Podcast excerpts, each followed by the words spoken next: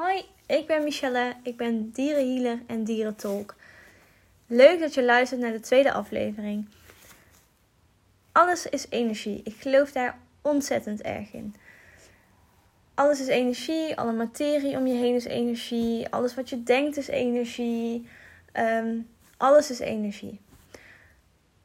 Zo ook met onze dieren. Alles wat wij denken is energie. Dieren communiceren via de energie, dus die pikken dat gemakkelijk op. Als wij denken aan iets wat we niet willen, dan pikken ze dat ook op. En vooral de lading die erop ligt. Als ik bijvoorbeeld denk aan ehm, dat ik niet wil dat mijn paard pijn heeft, dan ligt daar een lading op. Een lading van bezorgdheid, een lading van angst, een lading van verdriet. En dat voelt je dier. Dat is best wel belastend voor een dier. Vooral als je dat meerdere keren in je hoofd herhaalt. Maar als ik nou denk, goh, ik wil dat mijn paard gezond is, dat hij blij is, dat hij happy is, dan heb ik daar fijne gedachten bij. Dan zie ik hem rondrennen in de wei, dan zie ik hem lekker bokken, dan zie ik hem helemaal genieten van zijn dag. En die energie die ik dan overbreng, die ik dan voel, die is één voor mij een stuk fijner als eigenaar, maar ook twee voor het dier een stuk fijner. Jouw energie, jouw gedachten, in dit geval, is alles bepalend voor de omgang met je dier.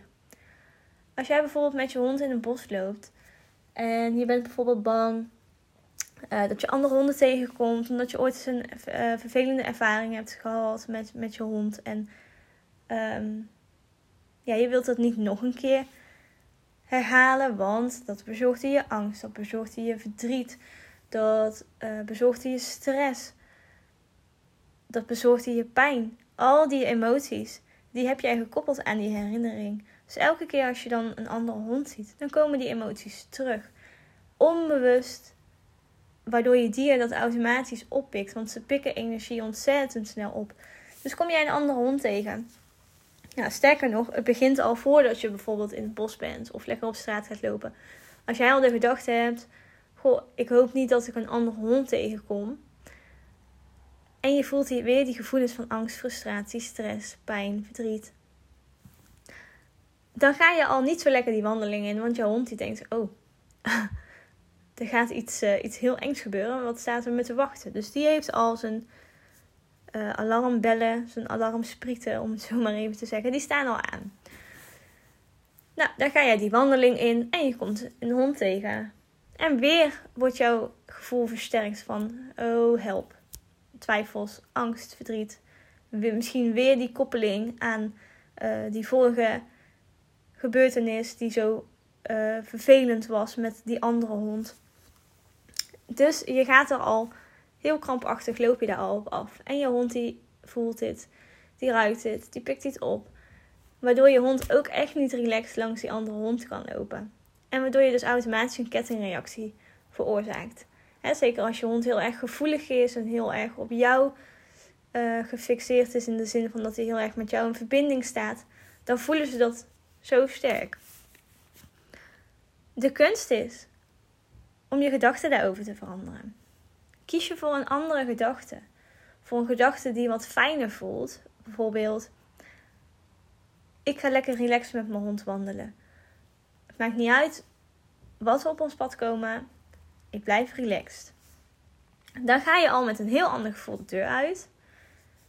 Je hond ook automatisch. Nou, kom je een andere hond tegen. Dan blijf je tegen jezelf vertellen van... Goh, het komt wel goed. Ik ben relaxed. We kunnen daar gewoon makkelijk langs. Waardoor je automatisch je energie verandert. Je praat jezelf goede moed in. Je praat jezelf vertrouwen in. En je kan makkelijker langs die andere hond lopen. Is dit een quick fix? Nee. Want het vergt echt wel wat training. Nee, je moet je gedachten, die gebeurtenis, die moet je loskoppelen van, van in het hier en in het nu aanwezig zijn. Wat er in het verleden is gebeurd, dat heeft niks te maken met wat er nu gebeurt. Alleen als jij daar constant aan blijft denken en constant die emoties weer blijft ervaren. Dus het is heel erg belangrijk dat je elke keer bewust bent van: Goh, wat denk ik nou? Wat wil ik voelen? Wat, hoe wil ik me voelen? Wat wil ik denken? Hoe wil ik dat het gaat? En daar stapje voor stapje kom je daar steeds dichterbij door inderdaad jezelf weer moed toe te spreken. Weer eh, te kiezen voor een nieuwe gedachte. Van nou, we gaan dit vandaag gewoon doen. Dit gaat helemaal goed komen.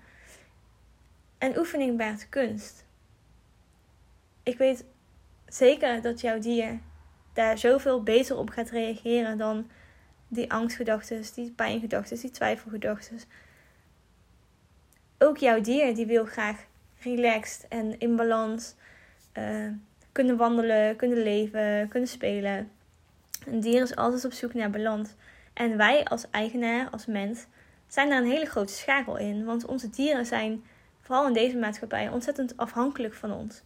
wij bepalen wanneer ze eten, wat ze doen, wanneer ze uitgaan, uh, met wie ze spelen, hoe lang ze slapen. Wij bepalen heel veel voor onze dieren. En dat is prima. En dat is ook ontzettend goed en dat doen we met alle liefde. Maar vaak zijn het onze gedachten die zorgen voor uh, frustratie of angst of, of verlatingsangst uh, bij je dier. Dus wees heel erg bewust van wat denk je nou? Hoe kan ik dat veranderen? Wat wil ik wel voelen? En als je jezelf betrapt op een gedachte die niet fijn voelt, dat geeft helemaal niets. Maar probeer hem dan te veranderen. Probeer hem dan uh, naar iets positiefs om te zetten. Naar iets wat wat beter voelt. Een gedachte die beter bij je past. En dat is echt een aanvulling op mijn eerste podcast. Stap nummer 1. Wees je bewust van wat je denkt. En dan kan je het veranderen. Al het gedrag van onze dieren komt ergens vandaan. En vaak zijn wij daar een hele belangrijke schakel in. Dus nogmaals, ik wil je uitnodigen om te observeren. Observeer je gedachten. Observeer de dingen die je niet leuk vindt. Uh, aan, hè, in de omgang met je dier of, of ongewenst gedrag. En kijk eens, wat gebeurt er bij jou op dat moment? Wat, wat voel jij? Als je dit met me wilt delen, als je hier informatie of tips over wilt, ben je altijd welkom via Instagram of via Facebook. Samen inzicht. En ik wil je heel graag tips geven, je verhaal aanhoren en je verder helpen.